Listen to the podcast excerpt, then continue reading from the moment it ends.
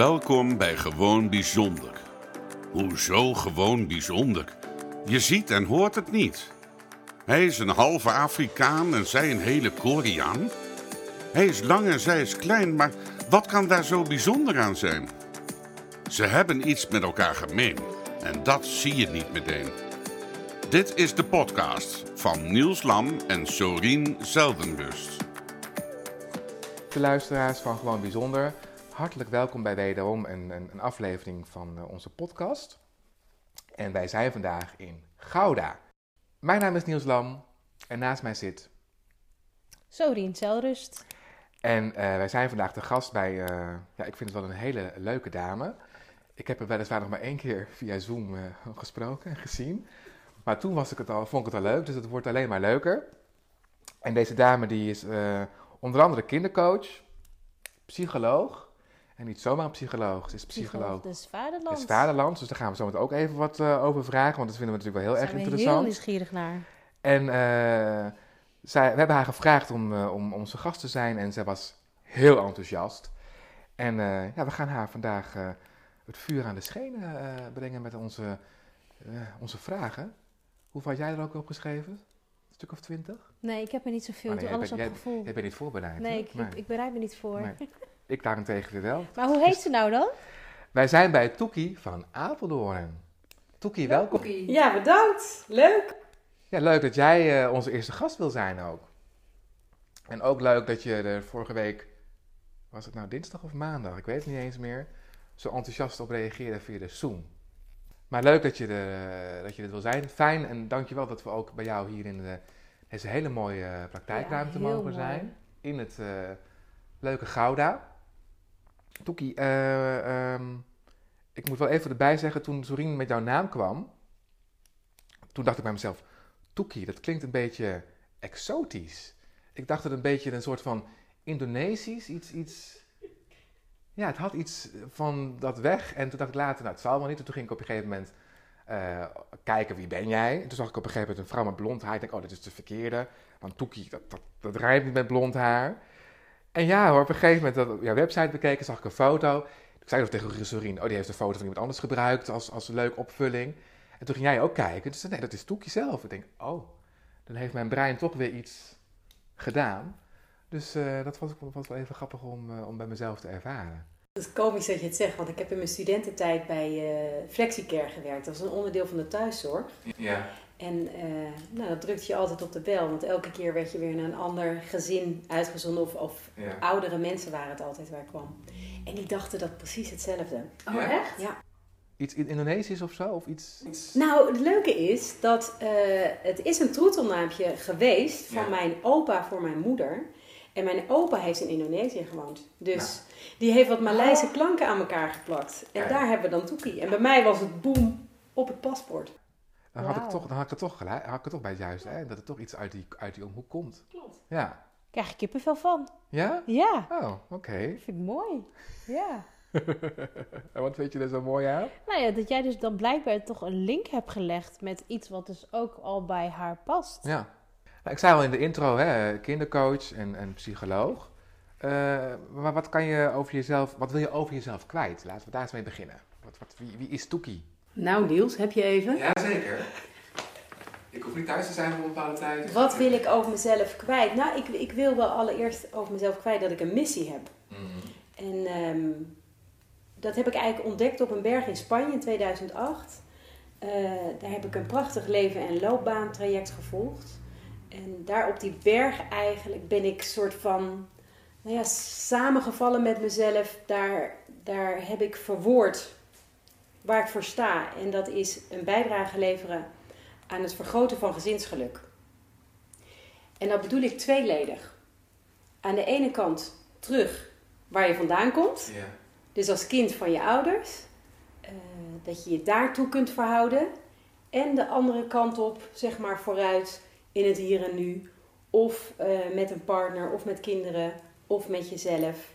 En dat je daar goed hebt. En ik ga niet met pensioen. The sky is the limit. Ik ben zeer gelukkig dat ik dat in 2008, uh, ja, dat ik mezelf daar gevonden heb. Dat Ja. zou ik eigenlijk wel zo mogen zeggen. Ja, want je zei, het, je zei het net al, en dat heb ik ook in, eh, in, in een aantal andere eh, op YouTube onder andere teruggezien, maar ook op een, in een interview. Jij gaat niet met pensioen. Nou, dan gaat bij mij mijn fantasie weer op hol slaan van hoe moet ik dat dan zien? Een mevrouw van 85 die hier in de praktijk dan in Gouda nog steeds kindercoach is. Ja, weet je, voor mij is dit niet zozeer een, een vak. Dit is Ja. wie ik ben. Dit is wat ik adem. Dit is wat ik leef. En of ik dat nou hier in de praktijk doe. En natuurlijk is het een verschil als ik bij mijn vriendinnen ben hè, of met die kinderen. Maar ik, ik hou van mensen en ik, ik vind het gewoon fijn eh, ja, als, als mensen het goed hebben met zichzelf en met elkaar. En, eh, en als de liefde stroomt en als ik daar een bijdrage aan mag leveren, ja, fantastisch. Dat is gewoon wat ik graag doe. En ehm, je zei net, hè, in 2008 ben je eh, voor zo'n coaching naar, de- naar het buitenland geweest. En is het kwartje min, of- min of meer eh, gevallen? Heb je toen ook meteen besloten dat je kindercoach eh, wilde gaan doen? Of? Nou, dat is een leuke vraag, want ehm, ik, ik las daar het boek van Ingrid Dijkstra, Kind en Familielot. Dat stond daar in de kast. Dat zag ik op dag 1. En ik dacht, ik ben hier voor dat traject, dus ik kan niet hier zo een beetje een boek gaan zitten lezen. Dus het heeft vijf dagen geduurd voordat ik mezelf gepermitteerd heb om in dat gele boek te lezen, wat daar ook op de plank staat. En toen ik dat las, toen dacht ik van, nou, dit is fantastisch als je toch op zo'n respectvolle manier en zo'n professionele manier eh, gezinnen kunt bijstaan met, met het insluiten van alles en iedereen, ja, dat, dat, dacht, dit, dit wil ik ook. En toen heb ik Ingrid een soort lieve Mona-brief geschreven. En die heb ik in het Nederlands geschreven. En die vrouw waar ik toen die drie weken bij zat, die zei van, ja, het is toch Duits? Want eh, ik had zoiets van, nee, ik maar in het Nederlands. Dus ik had die brief geschreven. Nou, en ik kwam van die berg en ik ging googlen op haar naam. Wat bleek? Ze heeft Nederlandse roots. Dus ze gaf met een vrouw in Leeuwarden een jaartraining. En ik denk twee maanden nadat ik de brief geschreven had, wandelde ik in Leeuwarden de, de trainingsruimte binnen. En eh, heb, ik, heb ik van haar mogen leren. En eh, ik heb haar aan het einde van die eerste twee dagen die brief gegeven. Ik durfde haar aan het begin bijna niet aan te kijken. Ik dacht echt dat het God her, herself was, zeg maar. Nou ja, en toen op een gegeven moment, na, die, na, de, na de jaartraining, gaf ze ook workshops. En toen had ze op een gegeven moment de stoel naast, naast zich voor mij vrijgehouden. En, en ja, ik had echt zoiets van, oh wauw. En ja, zo is, een, zo is een innige samenwerking gegroeid. Ze is mijn grote leermeester, vriendin. Ik ben met haar naar Rusland geweest. En ehm, ja, het is gewoon prachtig om op die manier middels het systemisch werk een bijdrage te leveren aan, aan het gezinsgeluk. En te kijken, wat zit er nou op die onbewuste, op die diepere laag? En om terug te komen op je vraag, want toen is de kindercoaches gestart in meervoud. Omdat ik meer wilde doen dan dat ik met mijn eigen twee handen eh, kon. En het idee was eigenlijk om een franchise te starten. Want ik zag overal eh, de Bruna en de McDonald's. Ik denk, oh dat is mooi. Dan komt heel Nederland over de kindercoaches. Nou, dat, die gedachte werd dus ingehaald door het feit dat ik nascholingen ging organiseren. Te beginnen voor Ingrid. Toen heb ik een, een nascholingsinstituut opgericht naast de praktijk. En het mooie is, hier op de ruiten zie je natuurlijk staan de kindercoaches. En toen ik dit, deze plek betrok een jaar geleden, heb ik ook met de ontwerper afgesproken dat daar een lijntje tussen komt. Want ik heb de praktijk nu tien jaar en ik zei eerst van, ik ben de kindercoaches ontgroeid. Maar ik vind het passend om te zeggen, ik heb het doorleefd. Dus nu zijn we een soort van naar, ehm, ja, hoe zeg je dat? Eh, ja, zo'n soort eh, versie 2.0. Eh, want ik ben er wel in al die jaren achter gekomen dat als je het welzijn van kinderen wilt dienen, dat je ook vooral bij de ouders moet zijn. En dat deed je daarvoor nog niet? Nou, daar begon ik natuurlijk wel. Ik ben opgeleid en, en natuurlijk had je oudergesprekken en dat deed ik wel. Maar het is toch een verschil of je het zwaartepunt legt van... hé hey, kindercoach, breng je kind maar en dan, dan kijken we. Of dat je zegt, joh, zullen wij samen eens kijken. Hè, hoe het jullie alle, alle beter kan gaan, zeg maar. Ja. Want je deed het eerst alleen met de kinderen zelf. Echt Ja, gesprek wel een aangaan. beetje. Ja, en dan had ik natuurlijk altijd de intake met de ouders. Maar ik ben wel begonnen dat ik inderdaad dan de kinderen eh, vooral apart zag. Oké. En dan na vijf sessies bijvoorbeeld weer een oudergesprek. Ja. Dus je hebt nu sinds dan dit jaar of sinds al eerder dan? Nee, dit is al jaren. Al jaren is het zo dat er eh, eh, dat eh, ja, dat ontstaat dan zo, weet je. Dan is die website, die klopt niet meer met wat er gebeurt. Nou goed, zo Ja. gaat dat dan. En het systemisch vlak, hoe lang doe je dat al? Ja, sinds eh 2010. 2009, 2010. Ja, want je bent je opleiding gaan volgen bij het Atma Instituut. Nee, nee, nee, nee, nee. ben je gewoon gaan doseren? Daar ben ik gaan trainen, ja. Ah, Nee, ik, ik volg mijn opleiding graag bij de bron. Ja. Dus eh, voor mij is Ingrid Dijkstra degene die het systemisch werken met kinderen Mhm. eh, het beste beheert. Eh, ik ben bij het Bert Hellinger Instituut geweest voor mijn familieopstellingen. Ja. Dus ehm, ook later nog bij, bij Phoenix. Grappig. Ja, Wiebe Veemaas, oprichter Ja. van Phoenix, die was eh, na Ingrid de tweede die bij het Kennisinstituut kwam, zeg maar. Die daar zijn eh, na, nascholing heeft gegeven. En dan zorgde Ja. ik altijd dat de zaal zo vol zat. En, eh, mijn eigen snoepwinkel had ik Ja. gecreëerd met Ja. allerlei toppers uit binnen- en buitenland. was fantastisch. Toekie, ik ben nog wel eigenlijk benieuwd, want je gaf net aan van eh, in 2008 dacht je echt van, nou, dit ga ik echt doen. En je zei ook van, ja, ik heb dan ook echt een missie. Nou, en Niels die zei het vanochtend nog van, ja, ehm, in je interview gaf je ook aan van, ja, ik ben echt een strijder voor de kinderen. Maar wat maakt jou daar zo in ehm, ja, strijdbaar? Wat is dan die lust dat je daar echt voor wil strijden? Nou ja, dat, dat komt dan toch van binnenuit. Hè? Ik weet hoe het eh, is om als kind ehm, ja, van je plek af te gaan. En ehm, dus dat is ook een beweging van binnenuit. En die, die ken ik wel dusdanig goed. Dat ik, en dat is ook belangrijk vind ik in ons vak, hè, dat, dat wij onze eigen bewegingen goed kennen. Ehm, dus ja, dit- kinderen zijn kwetsbaar en die zijn afhankelijk. En die hebben volwassenen nodig om gezond groot te groeien. En op het moment, ehm, kijk, het, voor, voor, voor een scooter moet je, moet je een, een, een rijbewijs halen en voor het ouderschap niet. Dus dat dat niet voor elke ouder gemakkelijk is, is natuurlijk gewoon vrij voor de hand liggend. En dat je er soms niet uitkomt en dat het soms ingewikkeld is of eh, dat je niet snapt wat er gebeurt. Ja, dat vind ik hartstikke mooi als ik dan mee mag kijken en eh, zo die vertaalslag kan maken over vroeger en nu. Hè? Dus het duiden van de invloed van het verleden op het heden. En dan hoor ik je ook net zeggen in het begin van, ik weet hoe het is om mijn plek te moeten afstaan.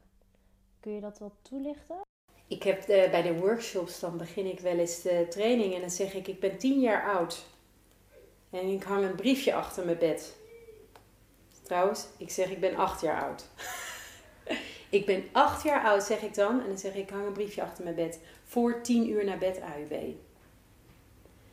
En dan zeg ik, ik ben de jongste van drie.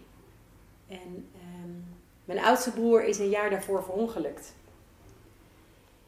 En dan kun je zo voelen hoe ik ehm, daar eigenlijk al jong oud moest zijn. En eh, dingen ging doen die mm, ja, niet echt bij een kind van acht misschien hoorden. Eh, en tegelijkertijd waren mijn ouders natuurlijk ook overmand door, door verdriet en verlies. En, en die, dus die, die konden niet meer doen wat ze anders wel hadden gedaan. En, en zo verschuift iets. Voelde dat ook zo voor jou dat je nou ja, iets innam? Wat misschien niet van jou was of nou ja, nog is? Ja, ik heb daar veel later bewustzijn over gekregen. Het was voor mij een, een, een soort natuurlijke, ja, je volgt de beweging als het ware. En pas veel later heb ik gezien, hé, hey, wat ik daar heb gedaan, dat diende mijn geluk niet. En dan zegt Johannes Smit, die zegt dat zo mooi, it saves your life, but it didn't serve your needs. Dus ik, ik deed wat, wat klopte voor ons geheel. En, en eh, ja, mijn rol daarin was om, eh, ja, om meer dienend te zijn en om, eh, om niet tot last te zijn en eh, om zichtbaar te zijn. Zo, zo zorgde ik als het ware voor mijn ouders.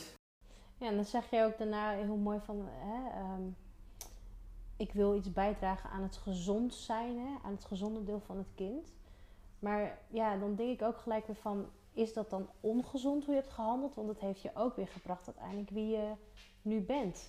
Ja, dat klopt. En het, het mooie is, het realiseert me ook dat ik, ik wilde toen bijdragen aan ons gezinsgeluk. Ja. Ja, en daar komt natuurlijk ook mijn missie uit. En wat ik, feitelijk is een missie niks anders dan voorwaarts uitdragen Juist. wat achterwaarts pijn heeft gedaan. En dat is wat ik doe. Ja. En ja, het, is, het is ook niet goed of het is ook niet fout We hebben allemaal eh, een, een manier om antwoord te geven op het lot of hè, op ons pad, of hoe je het wil zeggen. En, en dit was mijn manier. Wat heb je dan ook geluk anders ervaren? Of, of, of nou wat is dan geluk voor jou? hè? Als je dat dan zo zegt van, nou ja, hè, ik heb bijgedragen aan het familiegeluk. Nou ik kan me voorstellen dat je dan als kind daar niet bewust van bent. Dus dat je dan wel bepaalde geluk hebt van, nou, ik doe wat mijn ouders willen en verlangen van mij. Maar als je dan daarop terugkijkt, was het dan echt geluk? Of Ja, nee, kijk, ehm, ik herinner me nog goed dat mijn ouders dan weggingen s'avonds. En eh, mijn oma woonde ook bij ons in huis, de moeder van mijn moeder. En dan ging ik dus de kussens opkloppen en ik ging stofzuigen en ik ging dweilen. En, en ja, ik, ik wilde hen ontlasten, zeg maar. Ehm, ja, zo, zo doen kinderen dat. Ja. Maar dat was dan voor jou als kind zijn, neem ik aan, dan ook gewoon geluk. Dat het kan, dat je iets kon bijdragen. Ja, ik, ik, ik weet niet of ik het. Ik denk dat ik in ieder geval het ongeluk niet aankon. En eh, mijn ouders denk ik ook niet. En, en dat dit een manier was om het ook het ongeluk een beetje weg te poetsen, zeg maar. Omdat we met z'n allen niet in staat waren om het ongeluk te dragen. Dus dan moest het maar ergens weg. Letterlijk en figuurlijk dus echt poetsen, want je ging schoonmaken. En, Ja, bij wijze van. Dat doe ik trouwens nu niet meer hoor. Dat is helemaal. eh, Dat laat je doen. dat heb ik helemaal eh, gelaten. Maar ja, pas later, op latere leeftijd, ja, kom je erachter dat je, dat je dus eigenlijk omwille van het geheel dingen doet die, die dan kloppen en die dan moeten. Maar dat je later denkt, ja, zo heb ik het overleefd. Maar Ja. dat was niet echt leven. Want natuurlijk had ik dan veel liever, weet ik veel, eh zoortje gemaakt of met de poppen gespeeld of weet ik wat. Hè, dat, eh, ja, Dus eigenlijk ging je dan in je overlevingsmechanisme. zeker, zeker. Ja. Mooi. Ja. Of nou mooi, maar wel mooi dat je het deelt met ons. Want ik denk dat ook heel veel mensen dat misschien wel herkennen bij zichzelf. Dat ze een bepaald overlevingsmechanisme soms, of coping hè, kunnen aanleren. Nou, wat ik, wel, wat ik zo bijzonder vind aan, aan jouw verhaal en wat ook ons doel is met onze podcast, is dat wij dus ehm, eh, de link leggen met de doelgroep hè, waar we het voor doen. Dus mensen die geadopteerd zijn, mensen die in pleeggezinnen hebben gewoond.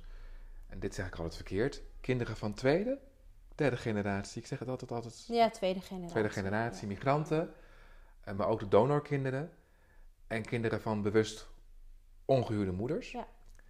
Ehm, in ieder geval kinderen die, die ergens ehm, ehm, Ja, hun plek zoeken ook. hun plek aan het zoeken zijn. Ja, een afstamming. En een afstamming. roots. En als ik jou dan zo hoor praten, dan herken ik daar als geado- geadopteerde heel veel in.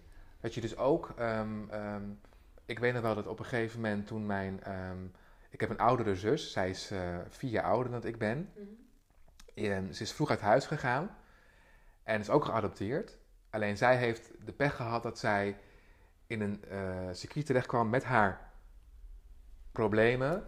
Van, oh, dat is eh, schizofrenie, dat is Ja, borderline, labels. bipolair. Ja. Dus daar gaan we lekker allemaal medicatie in stoppen. En we gaan het vooral niet hebben over de onderliggende laag. Maar goed, die kwam af en toe ze wel eens thuis. Nou, die was gewoon niet, te- niet te houden. En, en, en natuurlijk haar eigen wereld. En ik merkte dat mijn adoptieouders daar altijd zoveel verdriet van hadden. Dat ik daardoor mijzelf eh, ook eh, onzichtbaar ging maken. Dus als ik dan thuis kwam met een probleem. En het was een slecht cijfer. Of het was liefdesverdriet. Of het was mijn coming out waar ik al... Hè, ik ben op, vrij jonge leeftijd toch al achtergekomen dat ik op mannen viel, jongens viel. Ik zei dat maar niet, want eh, nee, mijn ouders hebben al genoeg problemen met mijn oudste zus. En die kunnen dat niet handelen. En, en die kunnen dat niet dragen. Dus ik pas me wel weer aan. En eh, in de hoop dat ze dan, als ze dan thuis kwamen of als ze dan iets hadden, dat ze in ieder geval in mij nog een stukje geluk zagen of een stukje plezier eh, konden ervaren. En dat hoor ik ook in jouw verhaal eigenlijk. En dan vind ik het wel heel mooi om te zien dat het, ja, en dan is mooi eigenlijk niet het goede woord, maar ook weer wel. Ehm, het woord universeel komt naar boven. Ehm, ja, wij denken altijd als geadopteerde, of ook als pleegzin, eh, eh, foster pleegzin, dat je ehm, ehm, eh, dat wij het enige, dat wij het enige, hè, dat wij, wij Ja, het dat enige dat zijn, hebben. bedoel je? Nou, dat wij dat Ja. alleen maar hebben. Ja. En dat onze, Nou, wij hebben het denk ik wel anders, maar ik denk dat je de link die je nu probeert te maken met Toekie is dat eigenlijk uh, de gewoon of het gewone kind, hoe gek het misschien ook klinkt, maar dat hij eigenlijk daar ook mee zit, gewoon met vragen over een afstamming en uh, hè, ja, wat doe ik en hoeveel invloed heeft mijn familie eigenlijk op mij. Ja, want ik bedoel niet zozeer dat we uh, ons is wel eens aangepraat of aange, hè, van oh, omdat je je ouders niet kent, dan ga je je aanpassen aan de omgeving of je cijfert jezelf weg. ja, dat is misschien een van de oorzaken. Maar een andere oorzaak is wat jij hebt... Zeker, er nog één. Ja. nee, maar dat jij, wat jij ook meegemaakt is ook daar dus een oorzaak dat dat ook als gevolg kan hebben. Dat jij het ook gaat wegcijferen omdat jullie in je gezin het ongeluk van jouw broer hebben meegemaakt. Dus, dus daarin zit het dus de gemeenschappelijke deler. Uh, de aanleiding is anders, maar ik vind het wel heel fijn om te voelen en te horen dat dat dus um, um, niks met uh, het feit te maken hebben dat je, dat je geadopteerd bent. Nee. Dat probeer ik Nee, maar het heeft denk ik ook, um, het is niet om op te nemen of zo voor de geadopteerden.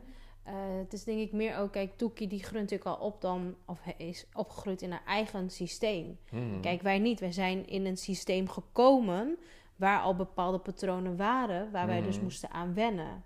Natuurlijk... Ja, nee, maar dan praat je het over het systeem. Maar het gaat mij meer over het feit dat je je aanpast om het geluk van het gezin hè, want dat hoorde ik Toekie ook zeggen. Het familiegeluk uh, kwam op een gegeven moment op de eerste plaats. Ja. Ik heb in het adoptiegezin het ook het familiegeluk op de eerste plaats gezet door mij aan te passen, omdat zij met mijn zus altijd te dealen hadden. Ja. Daar zit een beetje de, daar zit een gelijkenis. Ja, oké, zo. Ja, zo bedoelde ik het. Ja, okay. En je kent me, ik ben vaak van lange en dan kom ik bij het punt uit. Ja, doe het wel sneller. Sorry, sorry. nou, maar ook zo, ik heb wel eens nagedacht, wat is nou het onderscheid tussen het werken met de kinderen en met de ouders?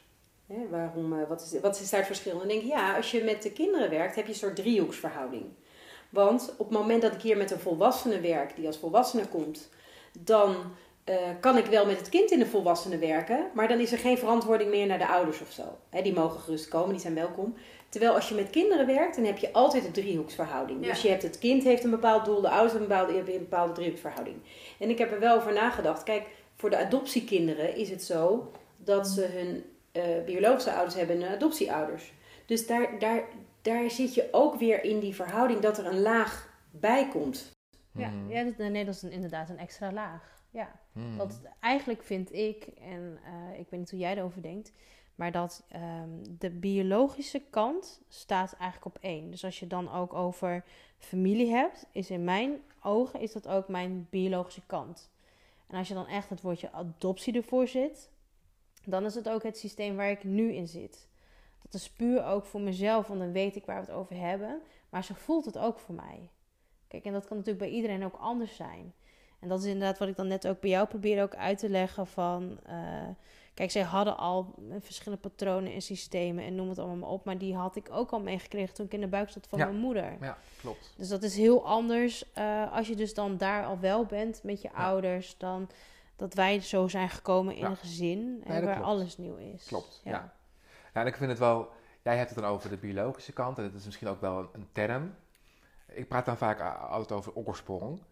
Want als ik het over biologisch ja, oorsprong, heb, biologisch, dan denk ik vaak aan uh, op de markt ga je een, een biologische mango kopen. En, en, biologische komkommer. Maar dat heb ik ook wel iets van, iets van de laatste jaren. Hè? Om uit te leggen aan mensen die niet geadopteerd zijn, gebruiken we vaak biologische ouders en dat soort termen. Maar, ik wil nog een keer over hebben, een podcast. Van wat wordt er gezegd tegen een geadopteerde. Ja, ja. Dus, dat is voor eh, later. Dat is voor later. Ja, en wat is die terminologie in bepaalde fases ook belangrijk, hè? Want wat, wat, wat zegt dat over waar je zit en alles en wat je wel niet kunt hebben en weet ik wat. Dus dat is ook, ook wezenlijk. Ja. Nou ja, vroeger was het bij mij gewoon heel simpel. Ik had ouders en dat waren mijn vader en moeder in Emmeloord. En ik wist dat ik geadopteerd was. Ik wist dat mijn moeder uh, mij niet uh, kon opvoeden. Ik wist dat mijn vader uh, degene was die mij het, het, het exotische kleurtje heeft gegeven. En dat is prima. Maar mijn ouders waren mijn ouders waar ik ben opgegroeid. En pas op veel latere leeftijd, en dan praat ik echt, ik denk pas vanaf de laatste vijf, zes jaar, um, heb ik onderscheid weten te maken, grammaticaal vooral of fonetisch vooral, van adoptieouders en ouders van oorsprong. Noem het biologische ouders maar eigenlijk zijn het gewoon je ouders waar je uitgeboren bent. Ehm, en dat voelt voor mij nu goed. Maar ik kan ook geadopteerden die dat, die dat niet zo voelen. dat is oké. Het is oké, ja, ieder zijn eigen. Ieder zijn eigen tempo, hè, ieder zijn eigen tijd, zo noemen we dat. Ja. Ehm, Maar naar mijn vader, die leeft eh, gelukkig nog. Mijn adoptiemoeder is eh, helaas overleden eh, een paar jaar geleden. Maar ik zou dat tegen mijn vader nooit zeggen van... hé, hey, je bent mijn adoptievader. Daar, daar, daarin vind ik hem... ehm, en dat is niet loyaal, uit loyaal, is niet loyaal om loya- loyaal te zijn. Maar eh, wat schiet ik hem op om hem nou ineens mijn adoptievader nu eens te gaan noemen... omdat ik dat nu ineens zo zie. Dat, dat, dat is nog een, voor mij Ja, maar sommige dingen hoef je niet te benoemen. nog een stapje te ver. Ja. Maar naar, naar leken leg ik het wel zo uit. Van hij is mijn adoptievader en mijn vader, die andere vader, die woont in, eh, die is ergens in Afrika. Maar eh naar hem toe praat ik gewoon over mijn vader. En, en daar ga ik ook echt geen onderscheid meer in maken. Dat, nee. We Iets- pakken hem even terug. Ja, Terug, we gaan, we gaan gewoon door. Dit is, dit is toch Ja, precies belangrijk. Dit is, eh, dit is waar, ja, dit is, dit, is, dit is toch ook waar het over gaat. Ja. Heb jij in je praktijk eh, kinderen die geadopteerd zijn of uit pleeggezinnen komen? Ik heb er eh, twee voorbij zien komen. Ja. En merk je daarin bij jezelf dat je het ook anders aanvliegt? Nou, ik ben me wel onmiddellijk bewust van het feit dat die, die biologische mango's, dat die een plek eh, eh, nodig hebben in het geheel. Ja. Dus dat is wel ehm, heel belangrijk. ja. Eh, als ik lesgeef, dan zeg ik nog wel eens vanuit ons vak, hè, als therapeut, eh, een succesrecept voor mislukking is als je je een betere ouder voelt. Ja. Op het moment dat ik hier zit en, en, en er zit een kind en ik denk, oh je hebt zo zielig, je ouders zijn echt, nou kom maar bij mij. Succesrecept voor mislukking. Kan ik niks voor het kind betekenen. Hè, eh, ik zie het als mijn taak om de kinderen thuis te brengen. En als ik dat doe, brengt ze alleen maar verder van huis. Ja. En die parallel kun je eigenlijk ook trekken, denk ik, naar eh, de pleegouders en de, de biologische ouders. Als die zich een betere ouder voelen, dan kan ik me zo voorstellen dat dat ook een succesrecept voor mislukking is. Dus daar ben ik me wel altijd van bewust geweest. Van hoe werkt dat? Hebben die een plek? Ehm, kunnen de pleegouders, eh, adoptieouders, ehm, als het ware zeggen, ehm, ja, om, om, om, omdat dat jij hebt losgelaten hebben kunnen aannemen? Of kunnen ze de ander eren en voelen dat zij als tweede in de rij mogen komen voor, voor, voor, voor het kind? Nou, dat is ook gewoon eigenlijk, en corrigeer me als ik het fout heb, zoals het systemisch natuurlijk werkt. Ja, het, absoluut. Ja, maar En- niet elke ouder ziet dat, hè? Nee, nee. Niet elke ouder is bewust eigenlijk van zijn of haar eigen plek. Nee, en dat is denk ik ook niet altijd om de ouders dat kwalijk te nemen, dat ze dat niet zo bewust zien. Omdat ik ook adoptieouders ken die natuurlijk omwille van de wens dat ze ouder willen zijn, graag een kind toch willen hebben. Hmm. Ik ben zelf, ik weet niet of het voor jou ook zo gold, maar ik heb samen met mijn man ooit een traject zijn aangegaan omdat wij ook kinderen wilden hebben. Ik bedoel, eh, we praten altijd over dat moeders die, dat bij moeders altijd die eierstrokken gaan, eh, gaan klapperen. maar bij, bij ons gaat er ook al wat klapperen. Nee, vader, mannen hebben ook een, als ik voor mezelf spreek, die, die, die behoefte om gewoon vader te willen zijn. Ja. En toen zijn we ook gaan kijken van gaan we dan pleegouder zijn of gaan we adoptieouder zijn. Nou, toen riep ik al, ik ben zelf geadopteerd, dus wie kan niet, wie kan er nou beter een kind adopteren dan iemand die zelf geadopteerd is. Nou goed, en dan ga je zo'n heel traject in. Ja. En net hoorde ik jou ook zeggen van hè, eh, eh, ouders die, die, die, die eh, je hebt geen recept van tevoren, je krijgt geen mee hoe je moet opvoeden. En dat geldt voor adoptie- en pleegouders heel erg. Die gaan echt zo'n traject in waarin ze echt gescreend worden. Ze krijgen letterlijk een training hoe je iets op moet voeden. En ik denk, waarom... Wij zeiden tegen elkaar, Kas en ik, van... Dit zouden eigenlijk alle ouders die een kind willen hebben... zouden deze training moeten volgen. Want daarin leer je gewoon dat het belang van het kind altijd voorop moet staan. En of het nou een biologisch is, of het is geadopteerd of pleeg, het belang van het kind staat voorop. En ehm, dus als ik jou dan zo hoor praten over van, hè, dat een adoptie- en pleegouders eigenlijk moeten weten van, dat zij op de tweede plek staan. ehm, dat wordt ook eens een training, wordt het dus wel verteld. Hè, want je, hè, neem vooral je kind mee in die roetsreis. eh, hou ze daar wel niet van voor weg. Maar hoe kan je als adoptieouder of pleegouder gevoelsmatig dat voelen? Want het lijkt me zo, het is toch wel heel moeilijk om dat, tenminste als ik voor mezelf spreek, om het gevoel uitsluiten dat je daar toch moet zijn als op de tweede plek. Snap je wat ik bedoel? Ja, ik snap het heel goed. Ik denk dat je daar de spijker op zijn kop slaat. En het gaat ook zo over de intentie van de adoptieouders. Ehm, want op het moment dat zij een kind adopteren voor hun eigen behoeftes, Mhm. dan kun je je al voorstellen dat dat kind eraan komt en die moet een beetje blanco zijn eigenlijk. Mhm. Ehm, terwijl als ze het doen meer voor het welzijn van het kind, ehm, dan, dan kun je ook zo goed voelen dat het kind wat daar staat, 50% van de eh, geboortemoeder is 50% van de geboortevader. En dat je daar bij wijze van spreken als pleeg, eh, ik, ik, ik weet niet waarom ik elke keer pleeg zeg, maar adoptieouders een strik omheen kunt doen. Ja. En, en dat de basis dus niet. eh, dus het, het vraagt ook van de adoptieouders, denk ik, dat ze, dat ze hun motivatie goed kennen. Mhm. En, ehm, en dat ze daar ook mee aan de slag gaan. Mhm. Want ik heb ook wel eens een opstelling gezien van iemand en die had geen kinderen gekregen. En ehm, uiteindelijk via een ehm, donor eicel heeft ze toch een kind kunnen krijgen. Mhm. Maar op een gegeven moment was dat kind al tien. En toen zag je dat ze eigenlijk haar eigen lot nog niet aangekeken had. Dus dat haar lot, het feit dat ze die zwangerschap niet gedaan had en alles, stond feitelijk nog steeds tussen haar en deze jongen in. Dus dat Mm. kind was er wel. Maar zij zag niet altijd alleen dat kind. Zij zag ook dat, dat innerlijk kind van haar, om het zo maar te zeggen, die, die schuift er dan tussen. Ehm, dus het is wel zaak dat je iets van bewustzijn hebt over wat gaat over nou het kind wat ik hier voor me heb en wat gaat over mij. En als je inderdaad kinderen adopteert. eh, want natuurlijk mag het ook om je eigen behoeftes gaan. Het zou raar zijn als je zegt ik doe het 100% voor het welzijn. Dan ben je er bijna niet. Mhm. Maar het is wel zaak dat je goed besef hebt van wat bij wijze van spreken in het verleden hoort en wat in de toekomst. Maar daar zeg je het eigenlijk ook al mee, hè? Want heel veel geadopteerden zijn hier omdat ouders een verlangen hebben, een droom, hè? Ik noem het ook wel de droomouders. Van ik wil gewoon moeder worden of vader worden. Dus het lukt me niet, ik adopteer een kind. Punt. Wat ik daarin ook heel erg terugzie, ook in mijn eigen praktijk, is dat eh, heel veel adoptieouders nog niet oké zijn met hun eigen verlies. En wat ik jou nu hoor zeggen, als je dus daarmee kunt dealen, ehm, is het dus voor het kind ook draaglijker.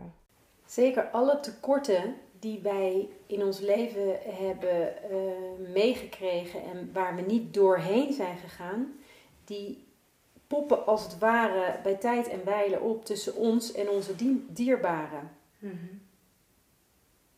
En kinderen zijn daar een hele fijne plek voor. Een partner kan daar, kan daar, ook, eh, kan daar ook iets in betekenen. Ja. Dus dat, dat geldt feitelijk voor, voor, voor een ieder. Eh, ook de ouders die, die zelf kinderen geboren gekregen. Als die niet met hun issues dealen, dan gaan ze die ook tegenkomen Ja, ja, ja. In, in het Ja, contact dat is met hun eigenlijk kind. gewoon de erfenis hè, wat je doorgeeft. Als je het zelf niet oplost, geef je het door aan je eigen kind. Dat zie ik nu ook gebeuren bij mijn dochter al. Je bent kindercoach. En eh, nou, veel mensen denken, hè, eh, ik ga naar een kindercoach, want, dan, eh, want dan zal ze zelf ook wel kinderen hebben, dus dan zal ze het ook wel weten. Dan zal ze haar vak wel verstaan. Net zoals wij adoptiecoaching doen omdat we zelf geadopteerd zijn. Je gaat niet naar een adoptiecoach eh, die niet geadopteerd is. Dat wordt door heel veel mensen zo gedacht. Dus ook bij kindercoaching, hè, ik, ik, ik heb een opleiding gevolgd, daar gingen dan ook eh, mensen een parallel kindercoaching doen. En dat deden ze, want ja, die hadden kinderen. En dan konden ze hun eigen kinderen ook goed begrijpen. En toen dacht ik van, ik, ik ben ook goed met kinderen, maar ik ga daardoor, ik, ik ga geen kindercoach volgen, want ik heb zelf geen kinderen. Maar dat is eigenlijk een hele kromme gedachte, want ja, eh, je kan makkelijk kindercoachen als je zelf geen kind hebt. Hoe, Ja, ja, ja. hoe is dat voor jou? Nee, eh? is, we zijn allemaal kind. ja, Dus die positie ken ik. ja. Eh, en, en daarnaast is het gewoon heel simpel. Kijk, er staat hier de kindercoaches en die naam dekt de lading dus al lang niet meer. Ehm, dus die, die is ook binnen no time eh, is die eraf. Zodra ik weet wat, eh, wat het nieuwe woord is wat op de ramen moet staan. Eh, ja, weet je, iedereen moet gewoon diegene kiezen waar hij zich fijn bij voelt. En de ene denkt ook, ik vind het juist heel fijn als iemand dat weet en de ander niet. En eh, ik werk sowieso niet op de pedagogische laag. Ik werk op de systemische laag. Ik ben hier continu met die, met die IKEA-placements in de weer. Ehm, dus ik, ik, ik, het is niet zo dat ik degene ben die, die ze adviezen geeft hoe ze in het dagelijks leven er doorheen moeten komen. Ik, ik vind het echt fijn om eh, naar het gedeelte van de ijsberg onder water te kijken. Ja. Dus we kijken echt naar die onbewuste dynamieken. Dus dat is, dat is één eh, ding. En ja, verder vind ik ook... Kijk, ik heb geen kinderen gekregen, maar ik, ik voel me wel moeder. ja. En het heeft ook best een tijd geduurd dat ik ook gewoon kon zeggen, ja, ik ben ook moeder. En mijn kinderen hebben zich niet gemanifesteerd. Ehm, en dat vind ik best ook een mooi bruggetje, denk ik, naar adoptie. Omdat eh, het leven mij ook wel geleerd heeft dat we niet alles op de psychologische laag kunnen oplossen. Eh, ik, ik, ik, het enige wat ik wist in mijn leven was dat ik, dat ik moeder zou worden. Dat is het enige waar ik echt absoluut zeker van was. Altijd. Ehm, dus sommige antwoorden krijg je niet op de psychologische laag. En dan is er ook iets van een stuk spiritualiteit nodig of uitzoomen. Ehm, waarin je dan voelt, hé, hey, er is iets. Uh, er is meer dan, dan alleen die vierkante postzegel waarin ik bedacht heb hoe mijn leven eruit moet zien. Ja.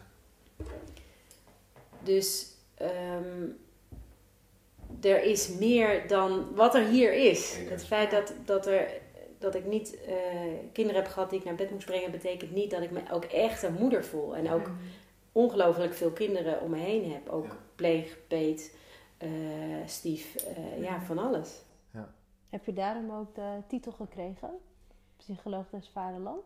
Ik moet je eerlijk zeggen dat het me echt ontroert. Dat ik, um, omdat ik um, ik heb hem in mijn schoot geworpen gekregen.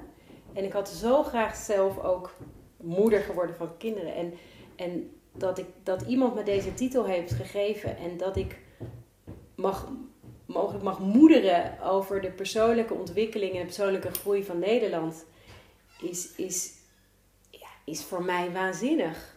Dat, dat ik, dat ik dan die rol mag innemen, weet je. En, en begrijp me goed, ik, ik draag hem met alle trots en ook met alle bescheidenheid. En, en thuis lachen we erom en het is ook een geuze titel. En ik heb er al snel 2020 achter geplakt.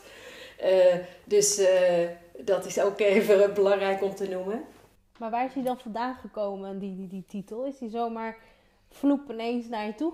Nou ja, hoe, ja, ja, hoe is het gegaan? Toegekomen. Okay. Een vrouwelijk leider uh, die, uh, die, die zag mij in de weer en die, die, die appte mij en ze zei: Weet je, jij, jij bent de psycholoog des vaderlands. De uitleg, ik ben nog wel benieuwd. Nou, en toen dacht ik: Ja, dat klopt. En toen dacht ik: Nou, belachelijk, natuurlijk kun je dat niet zeggen. Belachelijk, weet je? Maar waarom niet? Ja, het is een soort grootheidswaan. Ik ben ook opgevoed, uh, doe maar lekker normaal. Dan ja, doe je al gek genoeg. Ja, maar je mag toch ook trots zijn op, op wat je neerzet al? Ben ik dus ook. Dus ik kan hem nu ook echt met trots dragen. En ik voel ook, weet je, ik sta met vier benen in dit vak. Um, ja, en ik, ik, ik vind het ook mooi om, om het vak van de psychologie, om, om, om erin te, ook te trainen, om dat gewoon met een kwinkslag naar buiten te brengen. En om mensen aan te moedigen van, joh, kijk over je schouder, kijk naar achter. Weet je, Kierkegaard zegt zo mooi, het leven moet achterwaarts begrepen worden en, en voorwaarts geleefd. Ja.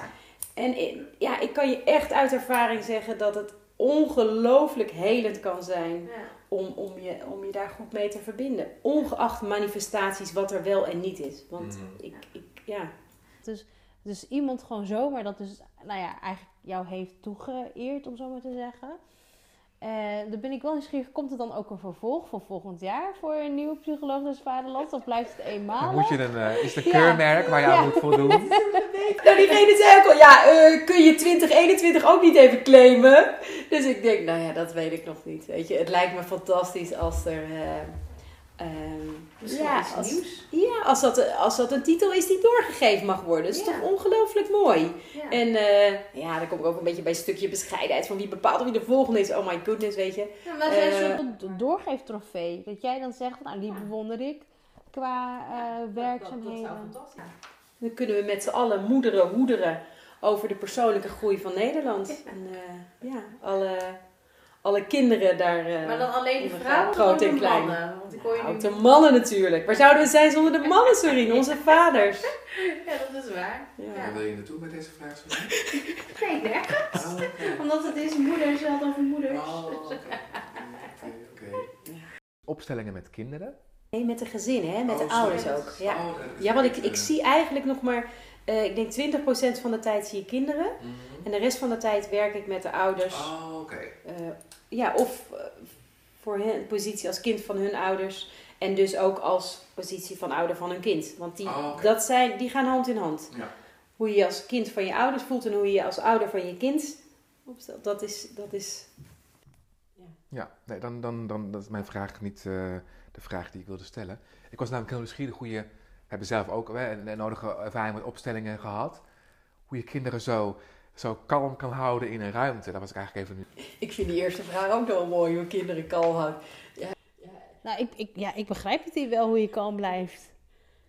Nee, maar als ik naar mezelf kijk en als ik dan kijk naar hoe volwassenen in de opstelling worden opgezet, dan moet je vaak stilstaan, Oh, je moet vaak je, lopen, je moet ja. naar een bepaalde plek lopen. Ja. Maar Oh, kinderen, zo. die, die, Nou, dan heb ik meteen de, de, de, de truc voor jou. Kijk, wat ik hier zeg is, de, je ouders, de ouders zijn gekomen en die moeten werken. Maar die kinderen die mogen hier alles. Ja. Dus die hoeven niet mee te doen, die, die mogen eh, spelen, eh, die mogen rondkijken, die mogen lawaai maken. Ja, Dus die, die, die mogen gewoon doen wat ze willen. oké. Over een opstelling wat je doet? Heb je eentje wat je standaard terug laat komen? Of je eentje wat standaard op? ja, mis- misschien heb je eentje die je standaard doet. Want je zei net van ik ben met de IKEA dingetjes in de weer. Even denken hoor. Ehm, eh, opstelling. Ja, hoe ga ik dat... eh, als er kleine kinderen bij zijn, dan zeg ik nog wel eens, het is eh, net een toneelstukje. Zijn jullie beiden bekend mee met familieopstellingen? Nee. Ja. Eh, dus ja, feit is dat je de, de, het systeem van iemand in beeld brengt. Ja. En dusdanig ehm, dat het dus wonderbaarlijk is dat informatie in de lucht hangt. En dat als je dus hier bijvoorbeeld een volwassen iemand hebt zitten met kinderen. En die, die, die komt dan vaak binnen als ouder van zijn kind. En 9 van de 10 keer kijken we dan naar de positie van kind als ouder. Laten we even van dat principe uitgaan. Ehm, ja, dan, dan is dus de vraag aan diegene van... joh, ehm, kies eens een kleur uit, een matje uit voor, voor jezelf. Eentje voor je vader, één voor je moeder. En dan gaan we zo kijken. En als er broers en zussen zijn... ehm, maar helemaal afhankelijk van de vraag natuurlijk. Mhm. Eh, ja, en vanaf daarin gaan we kijken. Wat, wat, wat komt er omhoog? Ja. Hoe, hoe verhouden ze zich ten opzichte van elkaar? En het mooie vind ik altijd van de opstelling dat mensen ehm, sowieso dat het een methodiek is die inzoomt op het onbewuste. En ik vind het altijd nog wonderbaarlijk wat voor informatie er vrijkomt Ja. op zo'n moment. Die kan ik hier echt niet op mijn stoeltje verzinnen. Eh, eh, het is bijna alsof er, ja, alsof er iets doorgegeven wordt. Eh, en, en mensen kunnen dan in, op een afstandje kijken naar hoe ze zich verhouden ten opzichte van hun dierbaren. En dat is vaak heel verhelderend. Want we zitten vaak soms zo in onze manieren dat we eigenlijk helemaal niet doorhebben wat we doen. Ja. En dus die, die methodiek is ongelooflijk fijn om van een afstandje eh, te, te kijken hoe, hoe, hoe het werkt. En En ook soms qua erkenning. Dat ze bijvoorbeeld in de opstelling zien: hé, hey, mijn, mijn ouders zijn omgedraaid. God, dat, dat voelde ik altijd. Goh, Hoe, hoe werkt dat dan? En, Ja. en als het dan volwassen kinderen zijn, zeg maar, wat, wat doe ik eigenlijk daaraan? Doe ik een beroep op mijn ouders? Ja. Of denk ik, ja, ze hebben geen tijd voor me en ik, ik blijf daarin hangen? Of, of trek ik ze aan het jasje en zeg van, joh, ik heb je even nodig. Ja. Want wat Ik ik zie het ook helemaal voor me. Nu, Ja, je, ik toen je het uitleggen was, dan zie ik inderdaad... Dan zie ik wel dat kinderen heel, dat allemaal zo neer, zelf kunnen neerleggen en toch wel... Ja, dan eh, zijn ze rustig in toch kunnen op spelende wijze bezig. ja, wat jij dan ook zei, ze mogen natuurlijk ook alles en het kan ook allemaal. Wat ik dan wel weer nieuwsgierig naar ben, is... Je doet dus echt alles wel met een bepaald hulpmiddel. Je- Je doet dus niet een opstelling, eh, zeg maar, met papier of vloerankers of eh, zonder hulpmiddelen. Ehm, ja, dat is ook weer zoiets. Hè. Ik, ik, ik doe dit nou al tien jaar. Ik ben eigenlijk systemisch. Dus ik heb ook wel eens dat ik hier gewoon gesprekken voer. Het was prachtig. Ik mocht een, een stel begeleiden waarvan eh, de man kanker heeft. En hij kwam in het proces van de ziekte zo zijn angst tegen. En, en we zaten hier zo met z'n drieën en we hoefden helemaal niet eens op te stellen. Want bepaalde informatie die, die, die, die, die was al beschikbaar. Dus ik ben systemisch, ik denk systemisch, ik douche. Ik, ik, ik denk dat ik zelfs systemisch slaap of zo. Nou, dan mag je mij dat ook wel leren. bij wijze van. Dus, ehm, ja, dus soms ga je opstellen en soms Ja. eh, praat je in die hoedanigheid? Want het is ook niet, niet iedereen zit daarop te wachten. Kijk, Ja. sommige mensen komen hier heel resoluut van... oh, we hebben van je gehoord en willen graag een opstelling. Ja. Maar anderen die komen misschien drie deuren verder... en, en die hebben dit op de deur zien staan en denken... joh, we hebben issues met ons kind, wil je, Ja. wil je meekijken? Ja. Dus het is voor mij ook altijd een beetje zoeken wat past, wat klopt. Aanvoelen. Ja. Heel interessant, eh, Ja. want je zegt ik ben systemisch. Dan ben ik natuurlijk weer nieuwsgierig van, maar wat is dan echt systemisch? Hoe, ja, hoe leef je dan? Of ja, wat, wat, wat maakt jou echt systemisch? Nou ja, wat ik, wat ik heel mooi vind aan het systemisch werk is dat het, ehm, het gaat uit van een, aantal eh, basisprincipes. En ehm, iedereen kan voor zichzelf eh, checken of hij dat leuk vindt of niet.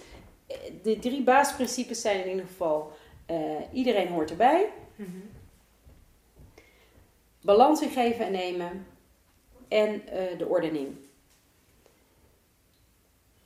En die drie principes, die, die, die spreken mij ook aan. En ik kan ook echt zeggen, die heb ik ook van binnen en buiten eh, ervaren, beoefend en getraind in mijn leven. En het, gaat me, het doet me heel erg goed. Dus ehm, heel concreet, als we het weer hebben over ouders, kinderen en ook voor de adoptie. Op het moment dat een kind de kussens opklopt, dan kun je nog zeggen, ach, dat is, nog, eh, is toch passend of niet. Maar op het moment dat het kind structureel voor de ouders gaat zorgen, dan verzwakt het daarmee eigenlijk het hele systeem. Ja.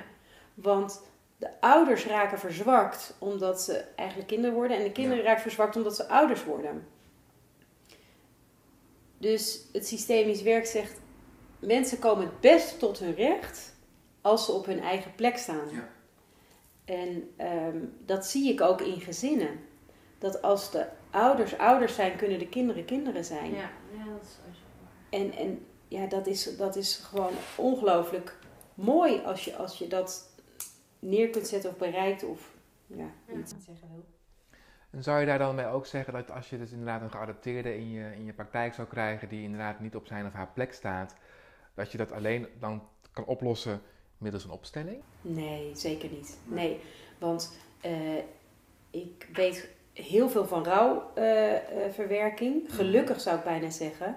Want het is ook, het is echt maatwerk dit vak. En je kunt niet zeggen, oh, er was hier iemand en die zei, ja, dan kun je toch een eh, cadeaubon geven en alles. Ik denk, ja, nee, dat gaat dus niet. Je kunt niet iemand een tegoedbon geven voor een opstelling.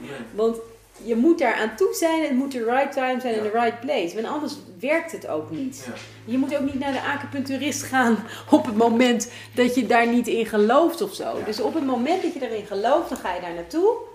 Eh, maar dan nog is het ook de vraag, is het de right time in het totale proces? Want Ja. wat jij Niels ook al zo heel terecht zei, iedereen zijn, zijn tempo en zijn tijd. Ja.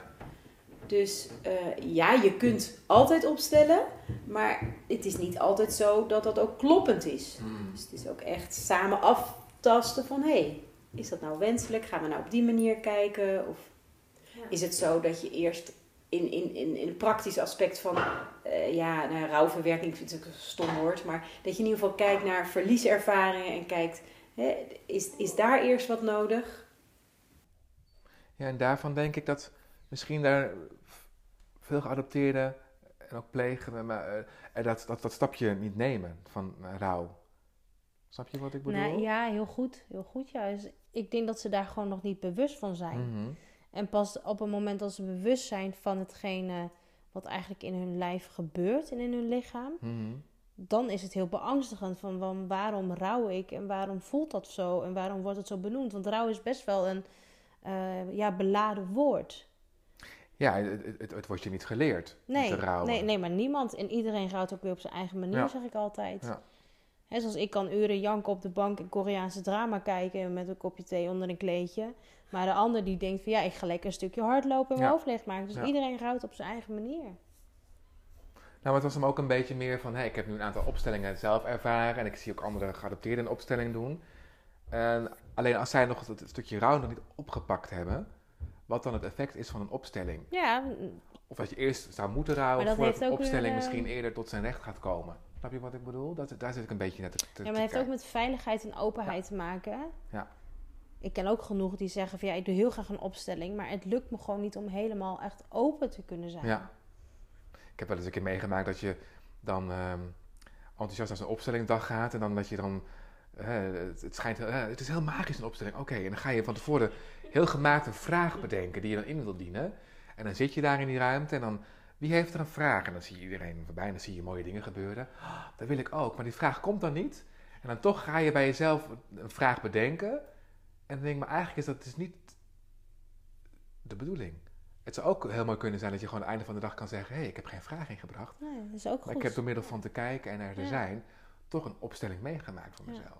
Nou ja, daarin zit ook voor mij de afstemming tussen eh, waar heb je invloed op Ja. en wat, eh, bij de AA zeggen ze dat zo mooi, hè? Wat, eh, God lear, learn me the difference between what I need to, eh, wat, wat, ik, wat ik moet accepteren en wat ik kan veranderen, zeg maar. Mhm. Dus dat is natuurlijk heel wezenlijk om daarin ook mee te gaan op zo'n dag. Om één je verantwoordelijkheid te nemen voor, voor die vragen die je hebt. Ja. En ook tegelijkertijd mee te gaan in de beweging van die dag. Ja. En dat je misschien mogelijk als representant er heel veel Ja. uit kunt halen. Ja.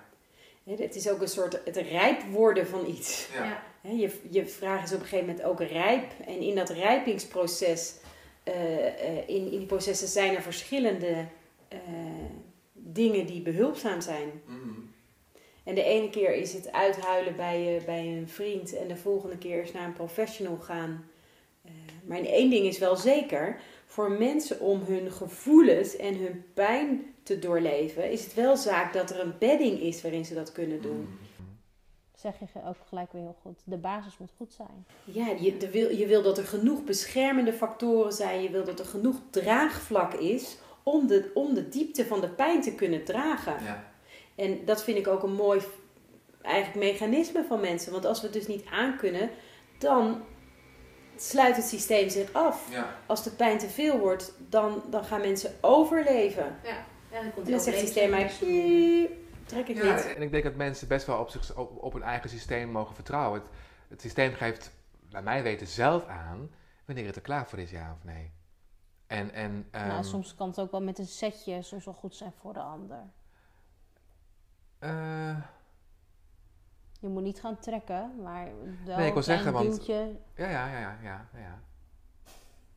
Ja, nou, dat, eh, oh, dat is eentje om over na te denken, merk ik bij mezelf. Ja, ik heb Ja. het door. Ja, ja. Ik ben even stil geworden van die opmerking. Ja. Soms is een schop onder je kont toch ook goed van je Absoluut, vrouw. Ja. absoluut. Ja. ja, daar ben je nog steeds niet klaar voor, maar dan krijg je wel die schop. Wat bedoel je? Ik heb wel eens gehoord, sommige mensen hebben een ei over de bol nodig en anderen Nou. een ros onder hun hol. Nou, inderdaad. Dat... Geef mij die ros onder mijn hol dan maar. Ik zie dat we bijna een uur bezig Ja. zijn. En ehm, misschien is het mooi om af te sluiten nu, een beetje af te ronden. Want, Ja, eh, gevoelsmatig is dat nog niet zo. Nee, nee, nee. Ik heb Maar- het gevoel dat ik wel uren nog kan praten. Maar ehm, ook gezien dat we heel veel nog moeten bewerken en weet ik wat. Oh, dat is het. Ja. Ik dacht meer dat we dachten van... De gouden regel was toch dat podcastluisteraars na drie kwartier zouden afhaken? Ja, maar nu dit, gebeuren ja, maar dit kunnen we misschien nu wel gewoon knippen Oh, hè, in twee delen. Oké. Dat hoeven we niet te Nee, weten. laten we naar de afronding gaan en wellicht dat we ooit ja, in de want toekomst... jij had nog een eh, hele leuke vraag. Of, of, ze, of ze ons beledigden met... eh, Ja, van jullie zijn ook maar gewoon. ja. Ja. maar wij zijn gewoon bijzonder, zeggen wij dan. Ah, maar ja, ja, Jullie zijn bijzonder gewoon. Ja, bijzonder gewoon. Nee, maar je, hebt, je zegt wel een terecht punt. Ehm, eh, eh, wij zijn gewoon. Ja, we zijn geadopteerd, maar we zijn ook gewoon. Ja. En als ik vanuit mezelf spreek, ik hoop vooral ehm, andere geadopteerden en ook mensen uit de pleegzorg en zo te inspireren dat, dat, dat ja, je bent geadopteerd. Maar je bent ook nog gewoon een man of een vrouw, hetero, homo, eh, jong, oud. Dat maakt allemaal niet uit. En dan komen we terug op het beginstukje over je lot dragen.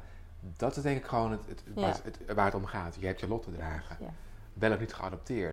Ik denk van, vanuit het feit, eh, kijk, mijn insteek, mijn, mijn adagium is, wie goed geworteld is, komt altijd weer tot bloei. En, en feitelijk zit daar voor jullie en voor mij geen verschil in. En natuurlijk wel. Hè. We hebben het net over gehad, manifesteren, niet manifesteren. Dus op de psychologische laag zit er wel verschil in. Op de spirituele, spiri- spirituele laag niet.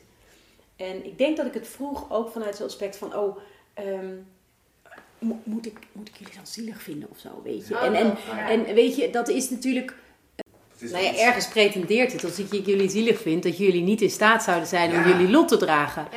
Terwijl eh, ik me voor kan stellen dat adoptiekinderen tegen bepaalde issues aanlopen in hun leven. En dat het ook fijn is om met gelijkgestemden daarover te hebben, omdat je dat van elkaar herkent. Ja. Ja. Eh, ja. Het over hebben waar we dat met even niet uitkomen. Hè, als En je dan nog inderdaad zijn we een niet dierbaar... Nou, niet zielig. Ja, zielig is, ik vind zielig ook inderdaad niet het goede woord. Wanneer ben je... Ja, en ook dat mag. Dat mag ook een post, vind ik. Want dat is ook onderdeel van het proces. Dat je jezelf op een gegeven moment even heel erg zielig vindt. Ja. Kijk, ik, ik heb die, die kinderen niet gekregen. En ik, ik heb mezelf toch best wel zielig erin gevonden. En ik vond dat ook heel heilzaam. Ik ben blij dat ik daar ook doorheen ben gegaan. Ja. Want als je dat namelijk niet meemaakt en je zegt ik ben niet zielig... dan is het volgens mij meer een soort overlevingsmechanisme. Klopt, daar heb je een punt, ja. Dus het leven vraagt ook dat je die, die, die, die, die kwetsures of die pijn aankijkt Ja. en er dan doorheen gaat en niet er overheen vliegt. Ja. Nee. Hè, en om Mark de Hond eh, aan te halen, ehm, die zo mooi zegt van ja, eh, eh, er is licht aan het einde van de tunnel, alleen ehm, ik weet niet of ik daar nog kom, maar dan hang ik de lampjes in de tunnel op. Ja, Ja, En, en ja, dat is natuurlijk ook fantastisch wat hij daarin in doet. dat is wel een hele mooie inderdaad, ja. Ja. Want waarom zou je pas aan het einde van de tunnel licht zien, als je licht zien als het ook al onderweg ja. tegen kan komen? Oh, Heel dat is wel mooi. een hele mooie. mooie afsluiter. Ja, Zelf je lampjes ophangen. Ja, dat. maar niet de slingers, want dat vind ik dan weer zo... eh, Nee, dat vind ik zo afgezaagd. En dus ook, wat ik al eerder zei, wie goed geworteld is, komt altijd weer Ja. tot bloei. Ja. Ja, nee, dat vond ik ook echt een hele mooie. Als we het dan hebben over afstamming. Ja. Van hoe wortel je? Want ik, ja, ik merk nu bij mezelf dat ik nu pas echt begin te wortelen. Wortel schieten moet ik meteen. Oké, dat is wat. En als we niet oppassen, dan gaan we woekeren. Ja, hou, nou, Dan gaan we overal... het is eh, tijd om me af te ronden. Ja, Toekie, gaan heel erg bedankt voor je tijd en voor je openheid. Ja. Ik zeg, ik hoop dat het heel leuk is geweest. Ik weet niet of Toekie misschien nog iets wil bijdragen eh, aan het einde. Ik zou zeggen, lang leven de liefde. Weet je, de liefde voor jezelf, de liefde voor waar je vandaan komt. En eh, het is eh, mooi om het van achter door te geven. Want dan is er ook een bron waaruit het uit door kan gaan. Anders dan moet het zo hier gemanifesteerd en kracht worden. Dus dat is, eh, ja, dat is mooi. Dankjewel. Ben jij nieuwsgierig geworden naar Toekie, naar deze podcast? En zou je wel een familieopstelling willen bij haar? Het is nu de kans om deze te winnen. Het enige wat jij ervoor hoeft te doen is om een nieuwe bedrijfsnaam voor haar te verzinnen, die natuurlijk nog vrij is. Je kunt jouw naam opsturen naar info@gewoonbijzonder.nl of laat een bericht achter op Facebook of Instagram. Dankjewel. Dit was de podcast van Gewoon Bijzonder. Niels en Sorien horen graag wat je van de podcast vindt. Wil je een review achterlaten of wil je iets delen?